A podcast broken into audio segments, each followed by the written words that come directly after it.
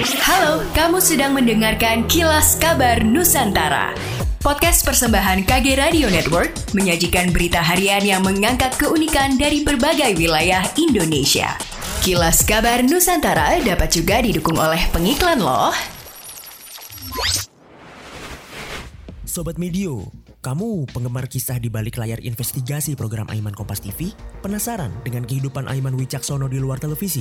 Simak podcast Aiman Wicaksono, eksklusif dan belum pernah disampaikan olehnya di program Aiman Kompas TV. Persembahan Media Podcast Network by KG Media, Kompas TV, dan Trusted Talent Management hanya di Spotify.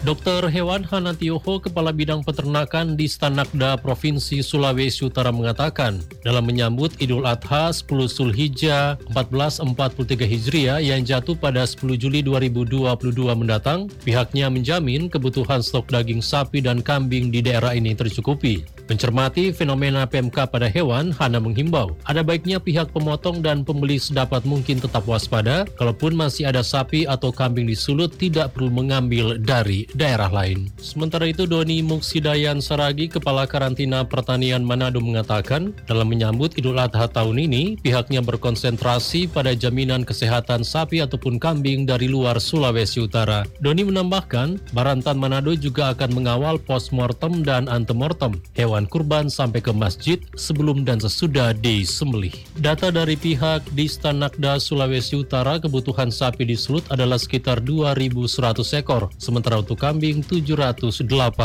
ekor. Briket Arang Kelapa nyatanya memiliki pasar yang cukup besar di mancanegara. Salah satu UMKM Sulsel yakni CV Kekenat Internasional Indonesia berhasil menembus pasar luar negeri berkat produk briket arang. Setelah Timur Tengah, kini permintaan briket datang dari Inggris. Direktur CV Kekenat Internasional Indonesia Asriani mengatakan pihaknya mengekspor dua kontainer atau sekitar 40 ton briket arang ke Inggris. Nilai ekspornya mencapai 500 juta rupiah. Hanya saja Asriani mengaku ekspor briket masih melalui pintu Surabaya. Kondisi itu mengharuskan pihaknya mengeluarkan biaya tambahan sebesar 30 hingga 50 juta rupiah.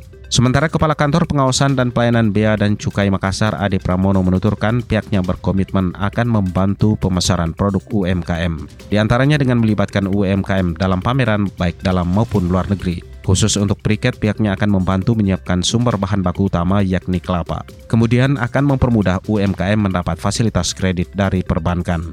Tidak hanya itu, pihaknya juga akan membuka peluang pasar baru ke Jepang. Untuk diketahui potensi ekspor briket arang kelapa produksi Indonesia sangat besar. Kualitasnya merupakan yang terbaik di dunia. Ketua Umum Himpunan Pengusaha Briket Arang Kelapa Indonesia, Basuki menyatakan kapasitas produksi arang kelapa dari anggota organisasi yang dipimpinnya mencapai 7.500 ton per bulan atau bisa menghasilkan 1,7 triliun rupiah per tahun. Namun pihaknya hingga kini masih menemui kendala antara lain kesulitan bahan baku dan kesulitan ekspor. Setelah hampir dua tahun ditiadakan akibat pandemi COVID-19, Car Free Day kembali dibuka di kota Pontianak Minggu 3 Juli. Namun pembukaan CFD ini masih dalam tahap uji coba. Car Free Day di kota Pontianak selama ini diketahui berlokasi di sepanjang Jalan Jenderal Ahmad Yani. Sementara uji coba yang dilaksanakan di Rektorat Lalu Lintas Polda Kalbar dilakukan di Jalan Daya Nasional kawasan Universitas Tanjung Pura Pontianak. Bersamaan dengan pembukaan CFD ini, Direktorat Lalu Lintas Polda Kalbar sekaligus menggelar Road Safety Campaign yang bertema implementasi art policing guna mewujudkan keamanan, keselamatan, ketertiban, dan kelancaran lalu lintas di jalan menuju Indonesia tangguh, Indonesia tumbuh. Direktorat Lalu Lintas Polda Kalbar, Komisaris Besar Polisi Muhammad Iqbal menyampaikan selama hampir dua tahun terakhir akibat pandemi COVID-19, Car Free Day di kota Pontianak ditiadakan.